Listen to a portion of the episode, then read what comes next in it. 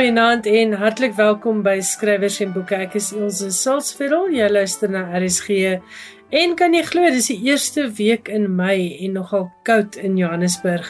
Ek hoop waar jy ook al na ons luister, is jy lekker knus en warm. Ons het vanaand weer 'n klompie boeke vir jou leeslys. Ek dink hierdie winter gaan ons koud kry en dit gaan heerlike leesweer wees. So hou 'n pen en papier byderhand dat jy kan notas maak van al die wonderlike boeke waaroor ons in finansies skrywers en boeke gaan gesels.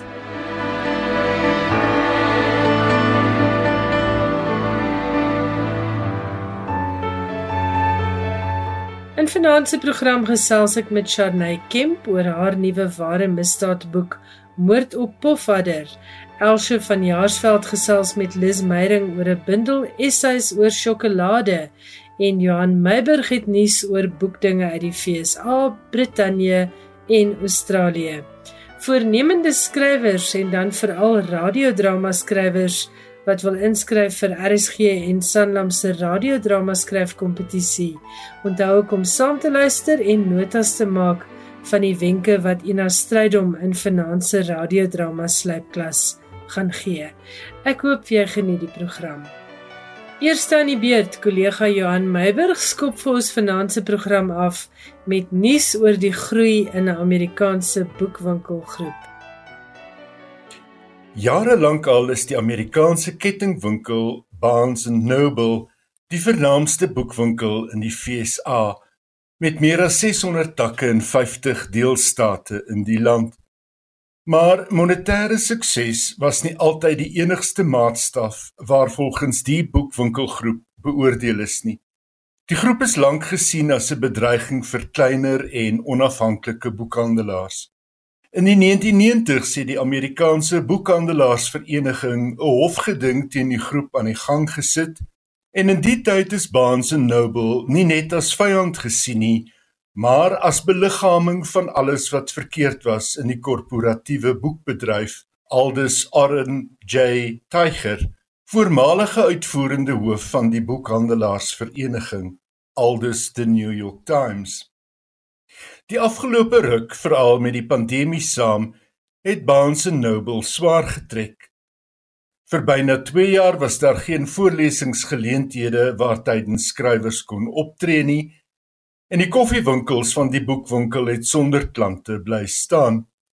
Nietemin het die boekwinkelgroep nou aangekondig dat verkope 14% meer is as in die dae voor die pandemie. In kritiek op Barnes & Noble se ekspansionistiese neigings in die dae voor die pandemie, het intussen met die groei in aanlyn verkope soos mis voor die son verdwyn. Nou word Barnes & Noble weer gesien as 'n baken van hoop en 'n teenvoeter vir Amazon. Met verloop van tyd het boekhandelaars 'n nuwe gemeenskaplike vyand teëgekom, sê Tiger, Amazon. Wat handelaars soos Barnes & Noble vermag het, het Amazon net op 'n soveel groter skaal aangepak en met groter afslag in 'n oneindige verskeidenheid boeke. Meer as die helfte van die fisieke boeke wat in die FSA verkoop word, word verkoop deur Amazon. Maar soos die spreekwoord lui, 'n vyand van my vyand is my vriend. Soos 'n Amerikaanse literêre agent opgemerk het, dit sou 'n ramp wees as Barnes & Noble moet ondergaan, waar die ganse gedrukte boekbedryf sonder die kettingwinkelgroep sou wees, is nou die ware bron van kommer. Dankie Johan. En terwyl ons nou oor boekwinkels gesels, ondersteun gerus ons plaaslike boekwinkels. Onthou maar dat dit veral vir kleiner boekwinkels baie meer oor die passie vir boeke en lesers gaan as net oor rand en sent en ek weet hulle het almal swaar gekry die afgelope 2 jaar.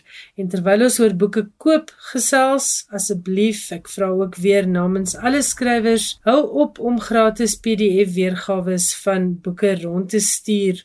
Jy steel van skrywers, jy steel letterlik die brood uit hulle monde. Net ek nuus vir voornemende skrywers. Die ATKV skryfskool van die Noordwes Universiteit se winterskryfskool vind eersdaags plaas. Dit gebeur van 6 tot 10 Junie in Potchefstroom. Soos gebruiklik sal bekendes uit die Afrikaanse skryf- en uitgeewêreld as sprekers en werksessieleiers optree en vanjaar kan kursusgangers leer hoe om verhale en gedigte te skryf. In die verhaalkunskursus gaan jy leer hoe lyk 'n kort verhaal of 'n roman as dit is wat jy wil skryf en jy gaan geleer word hoe om 'n verhaallyn uit te werk, karakters te skep en tyd en ruimte in te kleem. In die poësie afdeling van die skryfskool sal kursusgangers meer leer oor die digkuns en ook oor die digitale media se invloed op moderne digkuns. Omdat slegs 'n beperkte aantal kursusgangers toegelaat kan word, moet jy so gou moontlik jou plek bespreek. Om tot die winterskool toegelaat te word, moet jy voor 27 Mei 'n skryfstuk indien in die afdeling waarin jy jou kursus wil loop.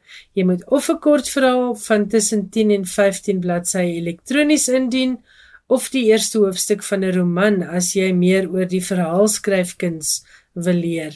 As jy vir die poësie afdeling van die winterskryfskool wil inskryf, moet jy twee gedigte elektronies instuur. 'n Deposito van R1000 wat nie terugbetaalbaar is nie, is ook teen 27 Mei betaalbaar Jy moet die bewys daarvan saam met hierdie gedig of verhaal e-pos. Die ATKV Winterskryfskool bied jou nie net die geleentheid om met skrywers, uitgewers, joernaliste en kritici te gesels nie, maar jy ontmoet ook ander mense wat jou belangstelling deel en wat met dieselfde skryfprobleme as jy worstel. En onthou dit maak ook nie saak op watter vlak jou skryfwerk is nie, of jy nog nooit gepubliseer het nie en nog net daarvan droom en of jy reeds gepubliseer het, die ADKV skryfskool se kursus sal jou skryfwerk beslis help slyp. Die skryfskool sal jou R3250 kos as jy nie verblyf benodig nie of R4700 vir deelverblyf van 4 nagte. Enige navrae oor die winterskool kan by die ATKV skryfskool van die Noordwes Universiteit gedoen word. Bel gerus vir Kobie van Aswegen by 018 299 1783. 018 2991783. Jy kan ook vir haar 'n e-pos navraag stuur na kobie.vanaswegen@nwu.ac.za.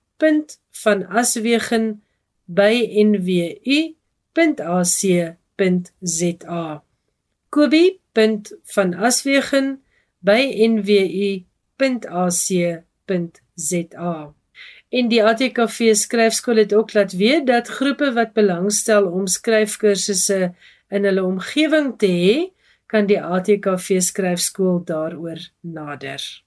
Skrywers en boeke, alles wat jy oor die boekewêreld wil weet en meer. Suid-Afrikaanse lesers kan kies en keur tussen plaaslike nuus-fiksieboeke oor alles en nog wat.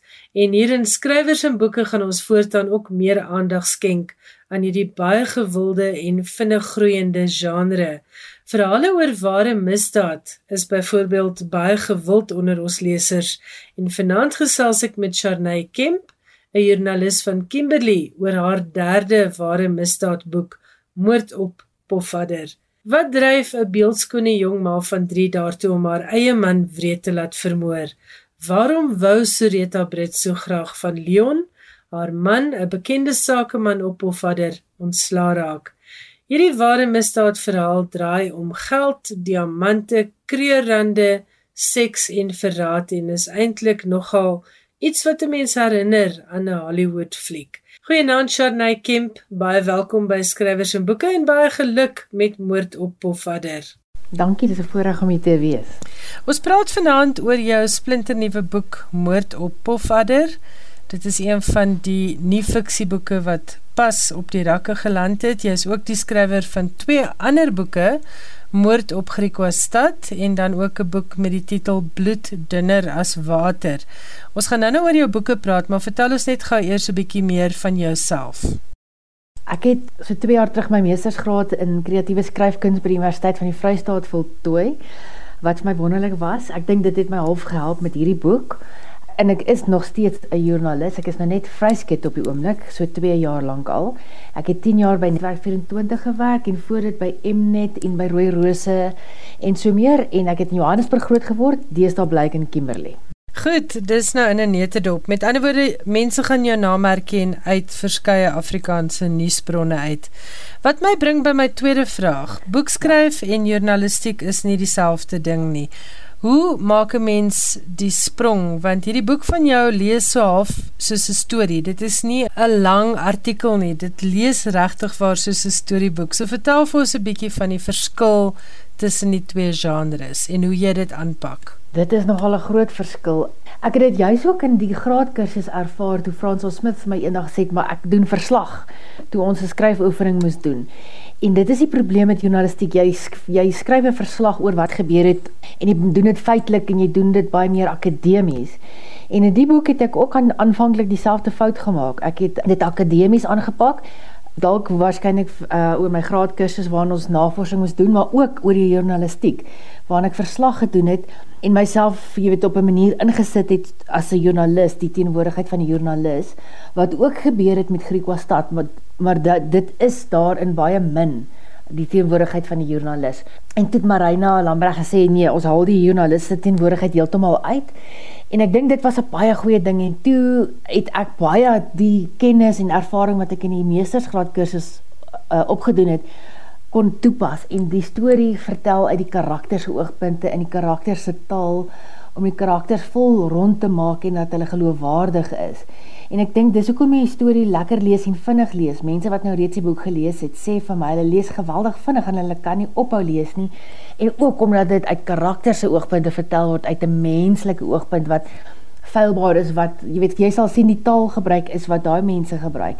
En ek dink daarom lees dit makliker en daarom word die storie net op 'n ander manier vertel as in ander nie fiksieboeke en ek dink nogal dit het lekker vir my dit was lekker vir my om dit so te skryf ook met die hulp van Dolf Els wat die redakteur was. So dit het vir my baie goed gewerk en heeltemal anders as as journalistiek. So ek is meer bewus van die verskil want ek doen nog steeds journalistiek, Maar sodra ek 'n boek skryf dan dan is dit of ek in 'n ander sone raak. Ek skryf met 'n ander gedagtegang. Ek moet vir die luisteraars sê die boek lees vreeslik lekker. Dit is een van daardie boeke wat jy begin lees en voordat jy jouself kom kry, het jy 100 bladsye gelees. En wat Charney sê is baie waar. Jy ontmoet die karakters Ek wil amper sê op hulle eie terrein, in hulle eie stemme. Die boek open waar die moordenaars op pad is Pofadder toe om die uh, huurmoord te gaan pleeg. 'n Mens kry amper die indruk van wat in die ou se kop aangaan. Ek wil nou met jou praat daaroor Sharnay, want het jy toegang gehad tot al hierdie mense met wie jy in Moord op Pofadder gesels oor 'n ware moord op Leon Brits wat uiteindelik beplan is deur sy vrou Sureta Brits. Ek het baie navorsingsbronne gebruik, verskillende hofstukke uit die um, borgtog aansoek van Sureta Brits, as ook haar pleit oor inkomste wat sy aangegaan het en Jacques se pleit oor inkomste, Jacques van Vieren, een van die huurmoordenaars. En dan ook van die verklaringe wat afgelê is wat uh, die staat aangebied het in die in die borgtog aansoek en ook wat in die verhoor uh, ter sprake was. En dan het ek die getuienis geluister, toe Jacques getuig het, het ek geluister. So ek het presies geweet hoe hy gedink het, wat hy gedoen het, wat gebeur het en so meer. En ek het sy verklaringe daarmee saamgebruik. En die ander mense wat nou nie getuig het nie, het ek self onderhoude mee gaan voer uh, omdat hulle nie getuig het nie, omdat daar pleitooreenkomste was as die verhoor verkort, het ek onderhoude met hulle gaan voer en ek het dit opgeneem en stel in hulle taal die storie verder vertel en die gapings probeer vul. So is 'n verskeidenheid van hofgetuienis, van dokumente en van persoonlike onderhoude wat ek gebruik het om die storie aan mekaar te sit. Goed, hoekom wou jy 'n boek hieroor skryf? Van die begin af was dit 'n vreemde, vreemde storie en 'n vrou wat haar man laat vermoor op klein dorpies soos Pofadder waar daar regtig nie sulke moorde is nie en ook nie plaasmoorde nie, um, het my gegryp. En natuurlik hoe jy stories van diamante en kreerande en so meer en maak die storie net baie meer um intriguing as ek die Engelse woord mag gebruik. Jy weet dit dit verstom en verbaas jou dat dit so iets kan gebeur en dat fiksie regtig nie die vrede nie nie so mense kan nie dit in fiksie uitdink nie. Dit het regtig gebeur. En hoe hoe doen 'n mens dit? Hoe beplan jy jou man se moord? Hoe dink jy jy gaan daarmee wegkom? En die fasade wat sy opgesit het, hoe sy nog steeds ten tye van die borgtog aansoek gesê dit is nie sy nie en die staat het gesê maar ons het 'n baie sterk saak teen jou. So die hele verwagting is as dit alles op 'n verhoor sou uitloop, het ek ook gehoor by my bronne dat dit baie ehm um, baie skokkende feite sou bevat en dit kan net in 'n boek wees. So het my vriende ook vir my gesê wat mos nou weet ek skryf boeke gesê jy sal baie hiervan hou want daar gaan ongelooflike goed uitkom. Wat natuurlik nou nie het nie omdat die verhoor nie plaasgevind het nie, maar ek het op ander maniere het ek my inligting ook bekom en ehm um, so dit het op die ou vir my goed gewerk. Hoe lank het jy geskryf aan moord op Pofadder? Ek het begin verlede April uh, met haar inhegtenisneming ek het nou al baie van die onderhoude en inligting versamel. En aanvanklik het ek baie navorsing gedoen oor pofadder en boesmanland en huurmoordenaars en hoe hulle dink, maar dit het op die ouene uitgeval want ek het maar 'n woordbeperking gehad en die storie moes gaan oor Soreta. So ek kon werklik eers my my boek aan mekaar begin sit met daardie borgtog aansoek en jy weet wat daar gebeur het, die mense wat daar was, die atmosfeer, hoe sy opgetree het, haar handelinge. Natuurlik is dit 'n ongelooflike storie om dit net te sien en te beleef hoe sy in hegtenis is en die polisie haar wegvat en so meer en natuurlik later met haar verhoor en haar verskynings. So toe die boek nou half heeltemal verander in en ek het uit in erns begin skryf, kan jy maar sê in Oktober en toe regtig van November. So van Oktober November tot in Maart vanjaar het ek geskryf, so 5 6 maande. Jy vertel die storie uit 'n hele klomp mense se perspektiewe soos wat ons nou gesê het. Jy sê jy het gaan onderhoude doen met hulle. Ek neem aan jy het ook 'n paar weke dan nou op die dorp spandeer want mense kry ook 'n idee van die atmosfeer en die hegtheid van die gemeenskap op Pofadder wanneer mense jou boek lees. Ja, ek het seker 5 of 6 keer Pof al toe gery en daar gebly en oorgebly en ook in Appington met die verhoor en heen en weer deur gery. So ek het nogal 'n paar kilometers op my op my kar gesit want ek het heeltyd van Kimberley af gery. Kimberley is 600 km van Pof Adder af. En ek is ook um Kakamas toe en Marchant en Ograbies toe vir die onderhoude en toe na die Weskus toe om met ander familielede daar te gesels. So ja, ek het nog altyd daar bestee en die atmosfeer gedrink en met mense gepraat oor pop adders geskiedenis en dis die mense. Dit was my baie lekker om die Bosmanland op so 'n manier beter te leer ken. Hoe lank doen jy nou al verslag daar uit die Noord-Kaap uit? Omtrent so 12, 13 jaar sedert 2010, hoewel ons in 2009 in Kroeman beland het, so ek het so 'n jaar of 2 daar gewerk en toe van 2010 2011 in Kimberley gebly. So jy ken die streek en dis seker ook dan hoekom dit vir jou ekstra vreemd was dat hierdie griesame moord, hierdie vreeslike komplot op 'n klein dorpie plaasvind in 'n gebied wat so bekend is vir gasvryheid en vir klein dorpse gemeenskap en al die wonderlike dinge wat mense altyd van die platteland lees en hoor en beleef. Presies. Ek het nie gedink ek gaan weer so 'n boek skryf soos wat ek gedoen het met die Griekwastad sage nie. Mense dink so 'n geweldige moord wat soveel opspraak deur die hele land en die wêreld veroorsaak het, gebeur seker net een keer in 'n lewenstyd. En hier gebeur weer 'n moord, weer opspraakwekkend, 'n ander feite stel maar net so skokkend. En ja, dit is so 'n hegte gemeenskap Noord-Kaapenaars is wonderlik. My ouers wat in van Johannesburg kom sê die Noord-Kaapse mense is so vriendelik, hulle groet so, praat almal Afrikaans. Dit is regtig 'n gemeenskap wat jy nie so iets verwag nie en ook natuurlik nie onder familielede of jy weet egpare dat hulle mekaar so vermoor nie. Dis asof dit hier in die platteland nie moet gebeur nie, maar maar dan wanneer dit gebeur, is dit jy so skokkend. Wat was die grootste uitdagings met die skryf van die boek? Was dit maar die feit dat jy nie regtig met hierdie mense persoonlik kon gesels en probeer uitvind hoe hulle koppe werk nie? Ja, ek kon nie met die um, aangeklaagdes praat nie omdat hulle aangekla is, so dit was moeilik. Hoewel ek natuurlik inligting uit hofstukke en bywonings um, kon kry. Ehm um, Ag maar natuurlik het baie mense met wie ek onderhoude gevoer het my baie gehelp met inligting met foto's. So ek het my prentjie in my kop het baie meer volledig geraak. Die die spertyd was my nogal erg want ons wou die boek so vinnig as moontlik uitkry net na die laaste hofverrigtinge verby was. Maar dit is altyd beter wanneer die gebeure nog vars in mense se koppe is om die boek dan op die rakke te hê. So die laaste maande vanaf November tot nou in Maart was geweldig. Ek moes die boek basies in 3 dele skryf. Die een gedeelte was klaar geskryf, die ander dele was besig om geskryf te word en die laaste deel moes ek nog skryf. Hmm. Intussen deur moes ek dit alles vir die redakteur stuur sodat hy kan begin sin maak en dit aan mekaar sit. So ek het letterlik 12 ure 'n dag gewerk en naweke en also ek het my huis het bietjie uh, was versaak geweest, huis en huisgesin en brakkies en so aan, maar hulle het almal dit verstaan en my geweldig ondersteun. En uiteindelik toe ons nou om in die hande het en die boek kom bymekaar toe was dit alles die moeite werd geweest. Watter onthullings, wel ek weet nou watter onthullings jy maak in die boek wat nie noodwendig in die media bekend is nie, maar vertel vir ons luisteraars so bietjie. Wel, die die leser sal sien presies hoe die moord beplan is en wat gebeur het op die toneel en hoe Soreta natuurlik haar onskuld voorgehou het en hoe sy mense probeer oortuig het dat sy nie die skuldige is nie, hoewel daar toe al baie gissings was in die omgewing. En kyk, Pofvader is ver en nie elke media huis was daar om te berig nie. Anders as Griekostad waar daar meer media huise was. So kon baie inligting by mense kry wat nog nooit was nie en by familielede wat my die verhaal van Leon vertel het en haar en Leon se verhaal vertel het in baie besonderhede en intieme be besonderhede wat niemand sal reeds van weet nie maar geskok sal wees wanneer hulle dit nou in die boek lees. Ek het byvoorbeeld met Leon se broer Tokkie gepraat en hy het nog nooit met enige joernaliste gepraat nie. Hy speel 'n groot rol in die boek en hoe hy benadeel is deur Leon se moord en sy familie se lewe heeltemal omver gegooi is en so ook ander mense, vriende en familie van van die um, Britse. Ek het 'n vraag oor jou belangstelling in misdaad, nie fiksie as ek dit so kan noem. In Moord op Griquastad skryf jy oor die vreeslike aanval op die Steenkamp gesin deur 'n familielid. Ek dink luisteraars is almal bekend met daardie saak en dan bloed dunner as water waarin jy die verskynsel ondersoek van kinders wat ouers vermoor en ouers wat kinders vermoor.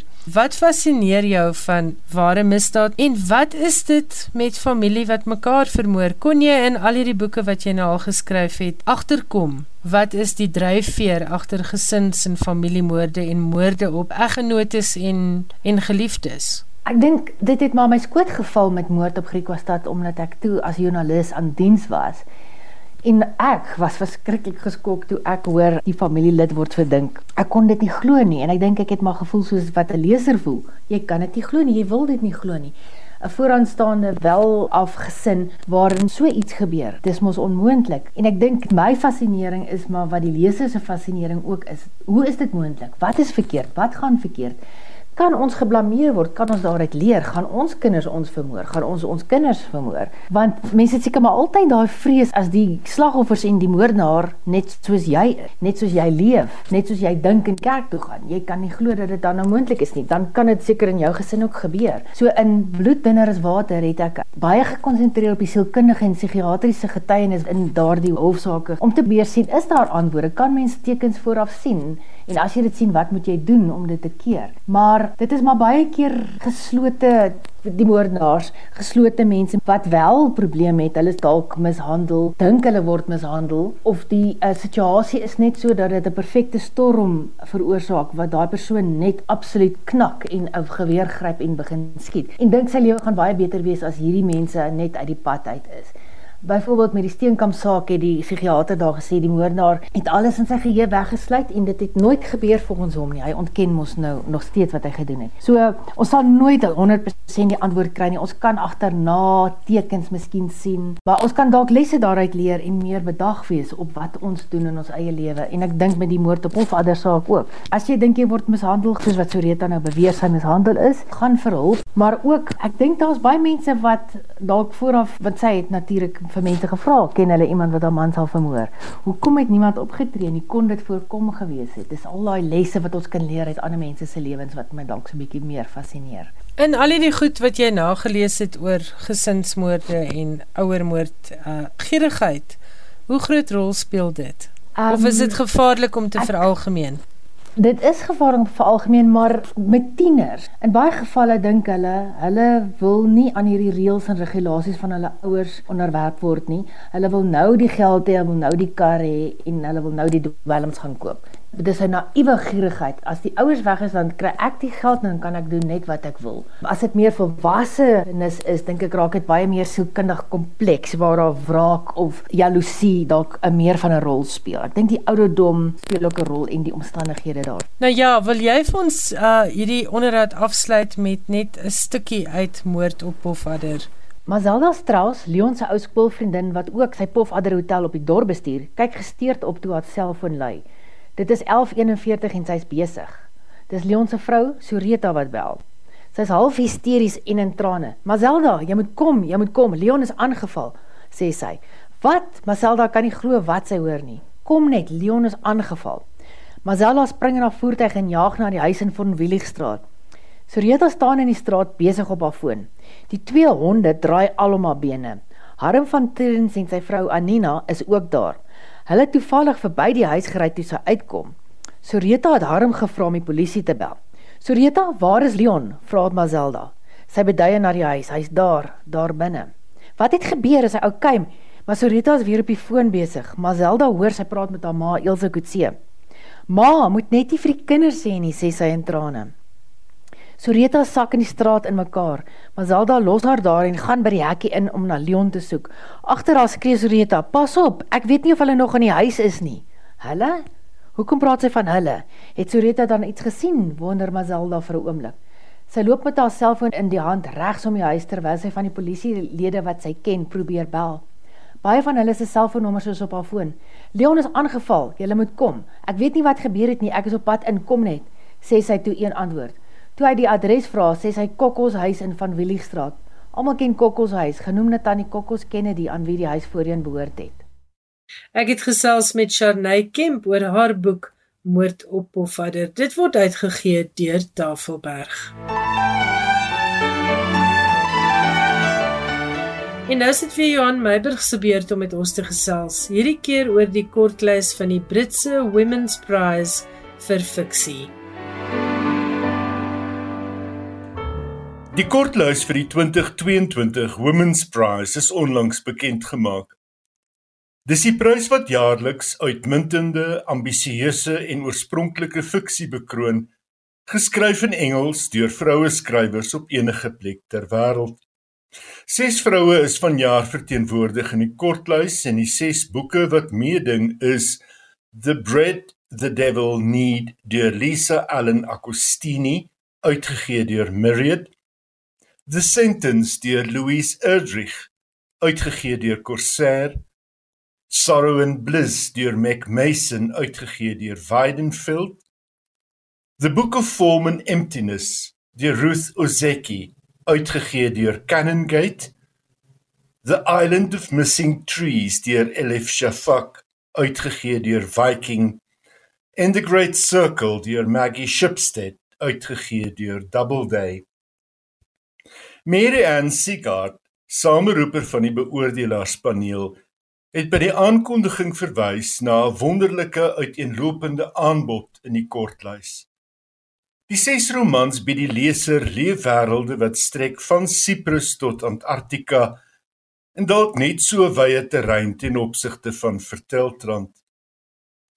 In Shafak se The Island of Missing Trees is daar byvoorbeeld 'n boom aan die woord En in Ozeki se The Book of Form and Emptiness is dit nie vreemd nie, so het 'n mens Ozeki se skryfwerk leer ken, dat voorwerpe ook 'n eie stem het.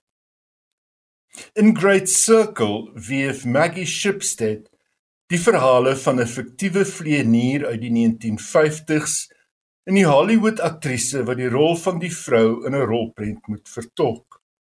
Die boek het ook verlede jaar meegeding om die Booker-prys. The Sentence, Louise Erdrich se 23ste roman, word beskryf as 'n boekwinkel speurverhaal en die debuut The Bread the Devil Need deur Lisa Allen Agostini, 'n skerpsketser van Trinidad, beskryf Sigard as 'n vermaaklike, diep menslike boek. Daarby is Mac Mason se roman Sorrow and Bliss wat gaan oor die gevolge van geestesongesteldheid, 'n boek wat volgens Sigard allermins swaarmoedig is.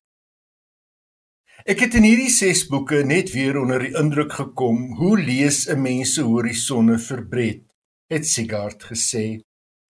Ek wil mans ook aanmoedig om die boeke nader te trek, het sy bygevoeg moontlik met verwysing na die persepsie dat mans nie so ywerig is om boeke deur vroue skrywers te lees nie. Die wenner van die 2022 Women's Prize word op 15 Junie aangekondig. Jy luister na skrywers en boeke op RSG. In ons weeklikse slypklas vir aspirantskrywers gesels kollega Ina Strydom vanaand oor die skryf van dialoog. Weereens, sowel hierdie slypklasse gemik is op mense wat graag wil leer radiodrama skryf, dink ons almal dit is iets waarby alle aspirantskrywers kan baat vind. Kom ons hoor wat sê Ina. Om goeie dialoog te skryf is 'n groot kuns. PG Du Plessis het altyd gesê hy lees die dialoog wat hy skryf hardop sodat hy kan hoor of dit reg klink of dit klink soos mense wat met mekaar praat. En daarom was daar blykbaar ook die byna gebod dat 'n mens nie lol met PG se dialoog nie. En wat 'n wonderlike dialoog het hy nie geskryf nie. Maar wat is goeie dialoog? Goeie dialoog klink asof regte mense met mekaar praat. Elkeen volgens faktore soos ouderdom en agtergrond, maar ook gepas vir die situasie en omstandighede. Mense praat tog anders met mekaar as hulle 'n klomp vriende bymekaar is, as wat 'n mens met jou werkgewer sou praat. 'n Gesprek tussen tieners klink anders as die tussen ouer mense. Mense praat in 'n gespanne situasie anders as by 'n partytjie en kerktaal is anders as kuiertaal. Die baie bekende skrywer, dramaturg en regisseur Leon van Nierop sê: "Laat jou karakters soos gewone mense praat." Hy sê in radio gaan dit veral om dialoog. Omdat jy nie die mense kan sien nie, kan 'n lang spreekbeurt die luisteraar maklik verveel. Daar's natuurlik baie beroemde monoloë in radioteater. Dink maar aan die einde van van Wyk se Dias. Maar dan moet dit werklik funksioneel wees. Omdat die luisteraar anders as die kyker of leser net op sy gehoor aangewese is en dan nie akteur is om na te kyk en wat die kyker met gesigsuitdrukkings en gebare betrek nie, kan dit maklik vervelig raak. Daarom is dit so belangrik dat karakters natuurlik praat. Daar is natuurlik uitsonderings. Sekere karakters sal keurige taal gebruik en let op wat hulle hoe sê. Chris Barnard het ook wonderlike dialoog geskryf. Dink maar aan die rebellie van Lafras verwy en die rolprent Die Wonderwerker. Maar indien jy oor moderne stadsmense skryf of oor jong mense of wie ook al, dan moet daardie woorde natuurlik en gemaklik in hulle monde lê. Leon van hierop vertel die storie. 'n Roman redigeerder het eendag 'n speurder wat oor die foon gesê het: "Hallo, is ek nou op die regte plek?" verander en dit so laat klink. "Hallo, me vermaak." mag ek asseblief met u kommunikeer oor wat ek op die hart het? Nou ja, dit is natuurlik twee verskillende mense wat hier praat. Elke karakter het ook sy eie en unieke manier van praat. Dikwels kyk 'n mens net na die dialoog en sonder om na die naam te kyk, dan weet jy reeds wie dit sê. Jy moet waak teen lang, ingewikkelde paragrawe of dialoog wat bloot inligting oordra, afhangende natuurlik van die situasie, want daar is ook uitsonderings kuns is om inligting, feite en temas op so ekonomiese en natuurlike manier oor te dra dat die luisteraar daardie inligting toevallig en natuurlik bekom sonder dat hy bewus is dat hy met inligting gevoer word. Evert Snyman het gesê, die luisteraar moet glo in die persoon of identifiseer met die karakter of iemand soos die karakter ken, want dit is wanneer die karakter die luisteraar oortuig. Sy wenk was dat die voornemende skrywer moet luister na verskillende mense rondom hom en hoor hoe hulle praat. En dan moet mens alle onnodige woorde uit die dialoog sny sodat die karakters direk tot die punt kan kom van wat hulle nou eintlik wil sê. Margot Luit het gewaarsku dat een van die algemeenste slaggate in baie dramatekste is dat skrywers nie altyd aan verskillende karakters spesifieke taalregisters gee nie. Dit bring mee dat die karakters almal dieselfde klink. Karakters gebruik dan ook dikwels die taal wat die skrywer gewoonlik self gebruik. En dit is natuurlik wel soms so dat die karakters dieselfde woordeskat of taalregister sal hê, maar dit gebeur ook nou nie altyd nie. Elke mens het 'n spesifieke taalregister. Dit is sy of haar woordeskat, woordkeuses, mannerismes en taalvoorkeure. Dit is gewoonlik geskep deur die invloede waaraan die karakter blootgestel is en was. Waar hy groot geword? Wat is sy agtergrond? Faktore soos ouderdom, intellek, beroep, akademiese kwalifikasie, sosiale stand, persoonlikheid, agtergrond en geografiese gegevens speel onder meer 'n baie belangrike rol in die manier waarop mense praat. Karakter se ouderdom behoort een van die bepalende faktore te wees wanneer die karakter se dialoog bedink word. Byvoorbeeld, die woord voortaan sal vreemd klink as 'n tiener dit gebruik. Dit sou egter baie maklik in 'n ouer persoon se dialoog kan wees. Dit impliseer nie dat karakters se taalregister nooit groei of ontwikkel nie. Ons gebruik immers almal verskillende woorde in verskillende fases van ons lewe. Gepaste taalgebruik, woordkeuses en register skep geloofwaardige karakters en help die spelers om oortuigende vertolkings te lewer. Ons het ook verskillende taalregisters vir verskillende situasies. 'n Karakter sou vermoedelik baie deftige taal gebruik wanneer hy of sy vir 'n werksonderhoud gaan en onmiddellik daarna by sy vriende terugval op sy gewone register wat dalk vol kragwoorde of slordighede kan wees. Margot het gesê een van die noodsaaklike elemente in drama is wisseling. As jou karakters verskil, bring dit tekstuur in die werk. Dialoog is seker een van die moeilikste dinge om te skryf. Pas hierdie wenke toe en hou net aan met skryf. Gegroet tot volgende keer. Dit was Ina Strydom van RSG se radiodrama afdeling. Sy het gepraat oor die skryf van dialoog spesifiek vir radiodramas. En as jy nou vuur en vlam is om aan jou radiodrama te begin skryf vir Sanlam en RSG se radiodrama skryfkompetisie, gaan laai gerus die handleiding daarvoor af van die RSG webwerf. Jy luister na skrywers en boeke, jou belangrikste bron oor Afrikaanse boeke. Net 'n herinnering, die sluitingsdatum vir RSG en Sanlam se radiodrama skryfkompetisie is 1 Augustus. Die Op die Water Kunstefees is onlangs op die MSC Orchestra aangebied en kunstenaars en RSG luisteraars het van Durban na Mosambiek gevaar. Liz Meyring was een van die kunstenaars aan boord. Sy het twee produksies op die skip aangebied en Elsje van Jaarsveld van RSG het die kans gebruik om met Liz te gesels oor 'n boek wat sy saamgestel het waarin verskeie skrywers oor sjokolade geskryf het. Hier is Elsje van Jaarsveld en Liz Meyring in gesprek oor Soete Sonde en dit is 'n boek oor sjokolade wat natuurlik net die ding is vir die koue weer wat voorlê. Ons is by die 8ste op die Waterkunstefees en Lis Meyering is hier met twee produksies. Vandag gaan ons egter gesels oor 'n boek wat sy saamgestel het, Soete Sonde. Hoe ervaar jy die 8ste op die Waterkunstefees sover? Soos altyd is dit baie opwindend en is ons hier om te werk terwyl ander mense lekker kan speel, maar dis heerlik om in een plek soveel produksies te hê. Nou vandag gesels ons oor 'n boek wat jy saamgestel het en dit is 'n rits kortverhale. Soete sonde is die oorkoepelende tema. Wat was die onderbou van die boek? Die onderbou van die boek was 'n produksie wat deur Theater Rocket aangebied is. Ehm um, en hulle wou iets doen oor sjokolade, maar die emosionele impak van nie net sjokolade is lekker nie. Wat is die wat is die onthou wat mense het van sjokolade? het sy goed of sleg. So sjokolade is eintlik 'n metafoor vir die lewe. Toe het hulle oor die 200 tekste ontvang. Hulle het 'n klomp jong en ervare skrywers en middelvlak skrywers gevra om goed te stuur. Het sy dit kort dramaatjies was, monoloë, kort verhale gedramatiseerde prosa, prosa, poesie, etc. En daaruit het hulle en regisseur Henrietta Gryffenberg 'n aantal goed gekies. En die spelers was ek en Jack de Priester wat 'n klomp verskillende stories en karakters gespeel het. En toe het Lapa Uitgewers my gevra om die die boek saam te stel. Nou omdat ek self kortkuns skryf, maar uh, jong kortkuns is verskriklik moeilik en ek is 'n groot bewonderaar van kortkuns, het ek al 200 goed weer gekry. Gesê stuur net vir my alles asseblief weer want 'n boek is anders as 'n teaterproduksie. En toe's ek deur 200 meer is eintlik meer as 200 goed. En dan op die ou end gaan dit oor balans. Uh wat wat is die uh, wat is die keurspel, die literêre keurspel wat jy vir mense kan gee, maar natuurlik eerstens oor kwaliteit.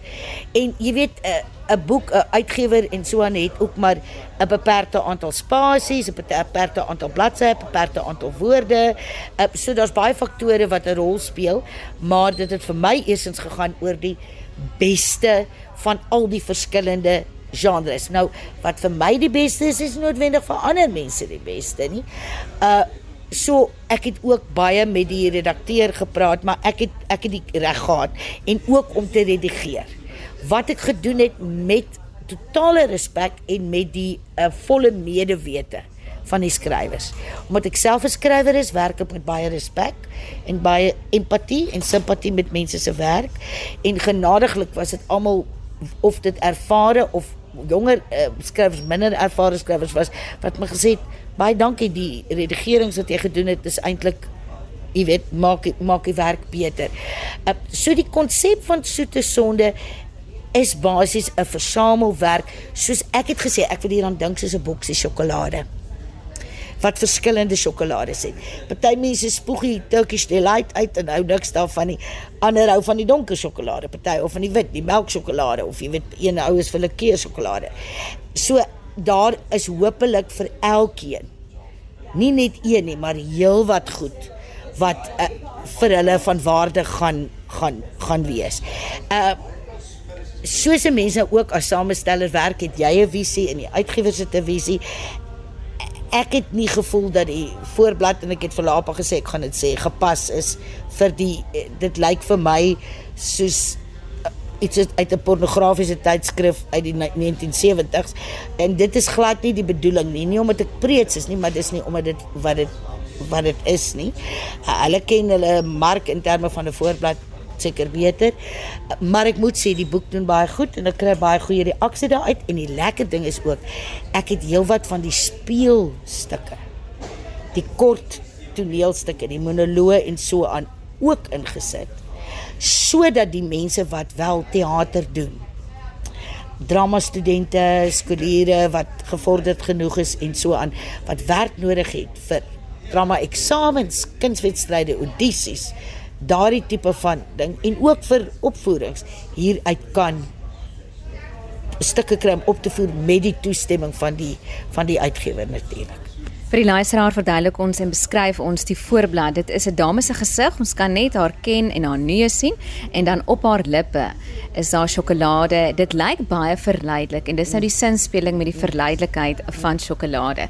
Daar is stories wat vermaak, daar stories wat skok, daar's dalk stories wat jou laat nadink. Was dit juist die bedoeling om 'n verskeidenheid van verskillende temas aan te raak? Absoluut. En kom ons dink hoe reageer mense op sjokolade? Sjokolade dit is amper soos 'n sjok op die stelsel, né? Uh daar's baie mense wat gryp na sjokolade as hulle getraumatiseer is of as hulle gelukkig is. Daar's mense wat absoluut niks daarvan hou nie. Vir baie mense is dit is dit 'n troos, vir ander 'n viering, vir ander 'n skuldding. Vir ander was dit iets wat hulle miskien gekry het as kompensasie. Daar's soveel metafore daarvoor die die reuke, die smake, die spesifieke teksture daarvan. Uh um roep by ons op dinge uit ons kinderjare, dinge waarna ons nou droom en voorhoop.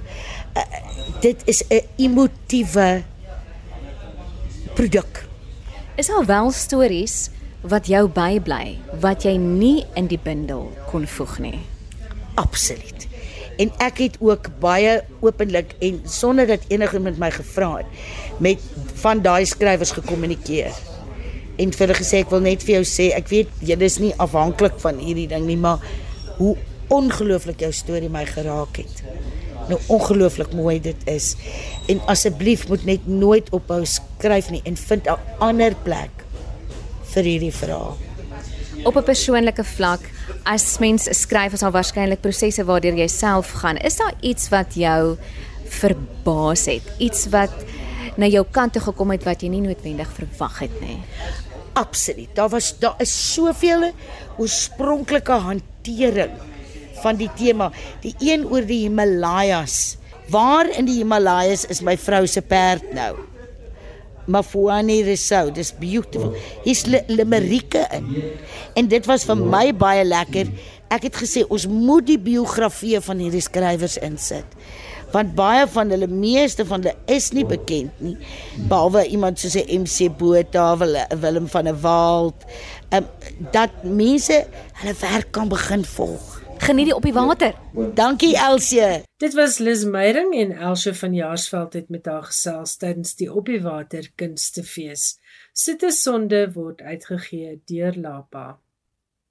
Ons sluit nou die program af met Johan Meiburg se derde bydrae. Hierdie keer gesels hy oor die Australiese Stella Prys wat vanjaar vir die eerste keer aan 'n digter toegekend is. Die Australiese Stella Prys sterk geskoei op die Britse Women's Prize, is in 2013 in die lewe geroep om die werk te bekroon van vroue skrywers in die land in alle genres. Die prys is genoem na Stella Maria Miles Franklin, die vrou wat onder die naam Miles Franklin geskryf het en in 1901 haar claim afgesteek het met die roman My Brilliant Career. In 2021 is die Stella Prys se reglement verander sodat die prys buiten vroue skrywers ook voorsiening sou maak vir nie-binêre skrywers. Hoewel die prys die afgelope 10 jaar oop was vir alle genres, het poesie vanjaar vir die eerste keer in aanmerking gekom vir die prys. Die eerste digter om die prys te wen is Evelyn Araloon vir haar debuutbundel Drop Bear. Die bundel word beskryf as verbasend vindingryk, vermaaklik soos 'n snaaks, vlamskerp en intelligent. Etlike van die gedigte is herverbeeldings van kitsch Australiese kinderboeke, Australiese literêre tradisies en die geskiedenis van die land. Daarby hou die bundel deurgaans 'n versinnende aboriginale leser in gedagte. Hoeveel skrywers en uitgewers gee hoegenaamd om oor wat die aboriginale leser moontlik uit 'n boek mag kry, het Araloon in 'n onderhoud met 'n dagblad gesê. En hoe die leser die boek moontlik mag interpreteer. Araloon is 'n nasaad van die inheemse Boonjalung mense. Oor die prysgeld van sowat 700 000 rand het Araloon gesê sy is dankbaar daarvoor, hoewel en ek haal haar aan pryse nie die manier is om die kunste te bevorder nie. Daar moet ander maniere wees. Hier is Evelyn Araloon oor Drop Bear, haar debuutbundel. Jingiwala, my name is Evelyn Araloon and I have a book coming out pretty soon. It's called Drop Bear with the University of Queensland Press. This is a book that I've been writing over the last couple of years, exploring my relationship to country, to the country that I'm from, to the country that I was raised on, to the country that I am responsible for caring for. The poems in this collection are all a deep and loving testament to home, to place, to the land of this unceded country, this unceded territory that is known today as Australia. I wanted to write a story about country that haunts them back. I wrote about the spirits that escaped the hold of the endeavour to come here and to wreak havoc upon the land. I wrote about the pseudo anarchists thinking that they are undermining settler coloniality while really just reinforcing its own power to strip our voice I wrote about Blinky Bill. I wrote about Ghost Gums. I wrote about Snugglepot and Cuddle Pie hanging out in the bush. There's poems about my elders. There's poems about my family, my siblings, my parents. There's poems about my boyfriend. There's poems about my dog. There's poems about people that I have encountered over the years who've taught me things even before I was ready to learn them. I like writing poetry that speaks to myself, even if it has things to say that I might not want to hear. And I like poetry that speaks to the many places that I have loved and that I am connected to, that I am bound to by blood and by history. I hope the poems in this collection stand as testaments to the power, to the bravery, and also the complexity of our history. I hope also that the poems honour the many Aboriginal voices that have made the beauty of our current literature possible today. I want this poem to be read in the context of that work, um, this book to be read in the context of that work, and to be enjoyed by people who also enjoy and respect and appreciate the value of strong black voices in our community today.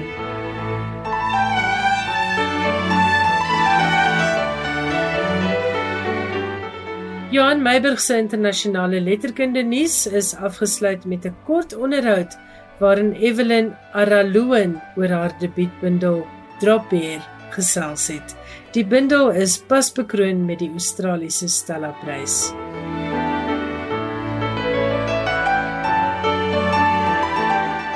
Nou gaan ek eers groet. Onthou gerus van ons Facebookblad en ook dat alle skrywers en boeke programme nes meeste van die ander RSG programme beskikbaar is as potgoeie. As jy dalk iewers 'n program misgeloop het. Totsiens tot volgende Woensdag aand om 8uur wanneer ek en Johan Meiburg weer terug is. Mooi loop tot dan en soos altyd wens ek jou 'n stapel wonderlike leesgoed toe en natuurlik genoeg tyd om te lees. Totsiens.